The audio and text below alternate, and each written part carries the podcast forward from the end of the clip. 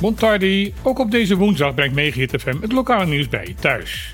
Ik ben Martijn Hiesemuller en dit zijn de onderwerpen van vandaag. Wanneer het vannacht een beetje helder is en dus niet al te veel bewolkt, zal er een vrij zeldzaam natuurverschijnsel te zien zijn. Een zogenaamde blauwe supermaan. Dit was het laatste zien in 2018 en de volgende keer zal pas in 2037 zijn. De supermaan is een volle maan die groter en helderder lijkt dan normaal. Dit komt omdat de baan van de maan om de aarde niet helemaal rond is. Daardoor staat de maan soms iets dichter bij de aarde dan normaal. Het bijzondere van het fenomeen van nacht is dat het de tweede keer in één maand tijd is dat er een supermaan te zien is. Ook op 1 augustus was dit namelijk het geval. En in dat geval spreek je van een blauwe supermaan. Wat een natuurverschijnsel helemaal bijzonder maakt, is dat ook Saturnus vannacht op zijn grootste zien zal zijn. Ook deze planeet zal dan het dichtst bij de aarde staan. Daardoor zal vannacht deze reusachtige planeet goed met het blote oog te zien zijn.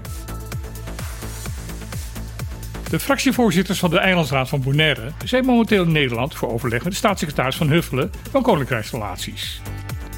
Het overleg gaat over de aanpassing van de wet Openbaar Lichaam BES en de wet Financiën BES. Deze twee wetten regelen sinds de overgang in 1010 zo'n beetje alles betreffende de bijzondere positie die de eilanden Bonaire, Sint-Eustatius en Saba hebben binnen de staat der Nederlanden. Na 13 jaar blijken deze wetten op vele gebieden verouderd en achterhaald te zijn. Daarom wordt op dit moment een vernieuwing van de wetten voorbereid. De Eilandsraad van Bonaire heeft daarbij geprotesteerd dat deze veranderingen volledig vanuit Den Haag gedicteerd worden. De volksvertegenwoordigers van het grootste Best-eiland hebben om meer invloed gevraagd op de inhoud van de wetten die bepalend zijn voor hoe het eiland bestuurlijk in elkaar zit. Na een aanvankelijke terughoudendheid hierover van de staatssecretaris heeft Van Huffelen toch ingestemd met de overleg hierover. Het bezoek van de fractievoorzitters van de Eilandsraad wordt daarnaast gebruikt om overleg te plegen over de aanstelling van een nieuwe gezaghebber voor Bonaire.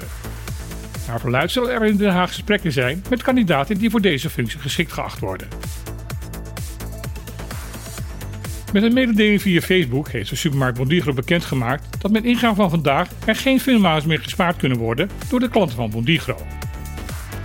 De mededeling van de supermarkt op social media was kort en vrij cryptisch en maakte niet duidelijk wat er aan de hand is. Wel zegt de vertegenwoordiger van Bondigro op een vraag op Facebook dat het niet de keuze is geweest van de supermarkt, maar dat men niet te vuile was wil buiten hangen. Deze opmerking suggereert dat de beslissing om te stoppen met de Funmiles bij Bondigro is genomen door de organisatie van Funmiles en tegen de wens van de supermarkt. De opmerking geeft ook het gevoel dat deze beslissing naar aanleiding van een conflict is genomen. Bondigro geeft in haar berichtgeving verder aan dat men op zoek is naar een alternatief om de trouwe klanten van de supermarkt te kunnen blijven belonen. Gisteren heeft de sportautoriteit van het OLB in de Mon een informatiebijeenkomst gehouden over de raceplek voor jongeren.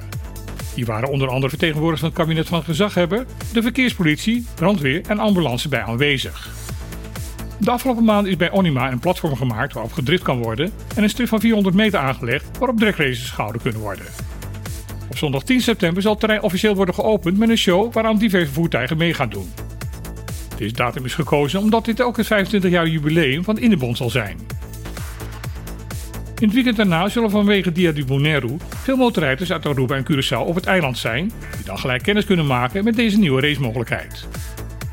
De autoriteiten van Bonaire hopen met de opening van het nieuwe terrein en het creëren van extra faciliteiten op deze plek het illegale straatrace van jongeren vanaf nu verleden tijd zal zijn.